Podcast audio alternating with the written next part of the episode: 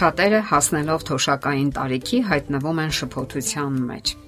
Նրանց թվում է, թե արդեն վերջ իրենց երանդուն կյանքին։ Հասկանալի է, որ այդ մարդիկ որոշակի առումով ֆիզիկական հոգնություն են զգում, սակայն այդ հոգնությունն այնքան մեծ չէ, որ հեռացնի երանդուն կյանքից։ Մենք այստեղ հաշվի չենք առնում այն դեպքերը, երբ արկա է ֆիզիկական կամ հոգեբանական ծանրակշիռ պատճառ եւ մարդն իսկապես չի կարող աշխատել մեծ ծանրաբեռնվածությամբ։ Նշանավոր երաժիշտ Միխայել Կազինիկը 70 տարեկան է։ Նրա մայրն ապրել է 97 տարի։ Երաժիշտն իրեն համարում է ուժերի ծաղկման շրջանում գտնվող տղամարդ, որը բոլորովին չի պատրաստվում ծերանալ։ Իսկ ինչ է նշանակում ծերանալ եւ ինչ պետք է անել չծերանալու համար։ Ինչ կանոնների պետք է հետևել, որpիսի խուսափեք ծերունական անգործությունից։ Իր ելույթներից մեկում նշանավոր երաժիշտը կիսվում է սեփական փորձառություններով եւ խորհուրդներով։ Եվ այսպես կանոն առաջին Երբ երաժշտի մայրը 73 տարեկան էր,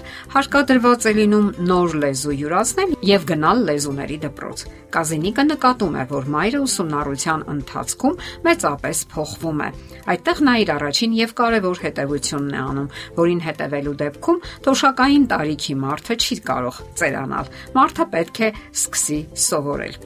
Իսկ ինչու է դա այդքան կարևոր։ Երբ մարդը հասնում է թոշակային տարիքի, նա սկսում է մտածել, որ իր կյանքն ավարտված է։ Արչևում միայն հիվանդություններ են, խավար եւ ի վերջո մահ։ Նա իրեն մոռացված ու լքված է զգում։ Մնում է միայն մեկ նպատակ՝ ձգել կյանքը մինչև մահ։ Սակայն եթե այդ նույն մարդը սկսի ինչ-որ նոր բան սովորել, կմոռանա, որ մի ժամանակ նայել է խավարի կամ մահվան աչքերին։ Մարդը ոչ միայն մարմին է, այլև հոգի, ասում է Միխայել Կազինիկը։ Կան մարդիկ, որոնց մարմինը ուժեղ է հոգուց։ Այստեղ հնարավոր չէ որևէ բան անել։ Մարդը պետք է ձգի իր կյանքի օրերը մինչև կյանքի ավարտը եւ վերջ։ Իսկ եթե հոգին ուժեղ է մարմնից, ապա մարդը կարծես վերակենդանանում է եւ հոգին հաղթանակ է տանում։ Իսկ ինչ կարելի է սովորել։ Կազինիկն առաջարկում է բարձրաձայն բանաստեղծություններ ընթերցել։ Կարելի է նկարչություն սովորել, բարի դասերի հաճախել։ Նման զբաղմունքները կօգնեն, որ դուք ձեր մեջ նոր ուժեր եւ ինչու՞ չէ, տաղանդներ հայտնաբերեք։ Եվ հենց հայտնաբերեք դրանք ձեր մեջ, դուք կփոխվեք բոլոր առումներով։ Ձեր մտքերը կփոխվեն եւ դուք կդադարեք ծերանալ։ Թոշակառուի այս առաջին կանոնը Կազինիկը կրկնում է անընդհատ եւ բոլորին, եւ ի պատասխան նա բազմաթիվ նամակներ է ստանում այն մարդկանցից, որոնք գրում են, թե որքան են փոխվել հետևելով երաժշտի խորհուրդներին։ Այդ նամակներից մեկի հեղինակը 70-ամյա մի անznավորություն է, որը գրում է, որ թոշակի անցնելուց հետո ձանձրույթից դրթված սկսել է լսել Կազինիկի հաղորդումները, ապա տղամարդը սկսել է հետաքրքրվել գրականությամբ, թեև մինչև թոշակի անցնելը ոչ մի կապ չուներ գրականության հետ։ Իսկ գիտեք ինչով է նա այժմ զբաղվում։ Նա սկսել է Շեքսպիր թարգմանել։ Հաջորդ կանոնը